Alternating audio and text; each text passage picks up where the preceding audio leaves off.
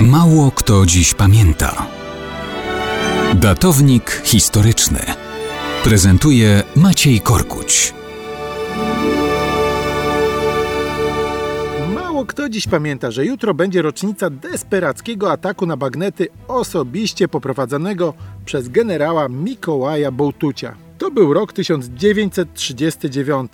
Walki obronne Polski napadniętej niemal ze wszystkich stron. W pierwszych dniach września jako dowódca grupy operacyjnej Wschód generał Bołtuć działał w składzie Armii Pomorze. Wobec nacierających Niemców przeszedł wraz ze swoimi oddziałami do kontrataku i wkroczył na obszary Prus Wschodnich, poza granicę niemiecką. To była odważna i przemyślana operacja. Przez dwa dni Bołtuć operował na obszarach niemieckich, próbując sprowokować przynajmniej część sił wroga do zawrócenia z Polski do Prus Wschodnich. No niestety Niemcy się nie dali w to jednak wciągnąć. Bołtuć w takiej sytuacji zaczął się forsownie wycofywać w kierunku na Warszawę. Wziął udział w wielkiej bitwie nad Bzurą. Skutecznie w ciężkich walkach wyrwał Łowicz z rąk niemieckich, ale wiadomo, sam losów wojny odmienić nie mógł. Wciąż walczył na przedpolach broniącej się stolicy. Musiał przebić się przez pierścień wojsk niemieckich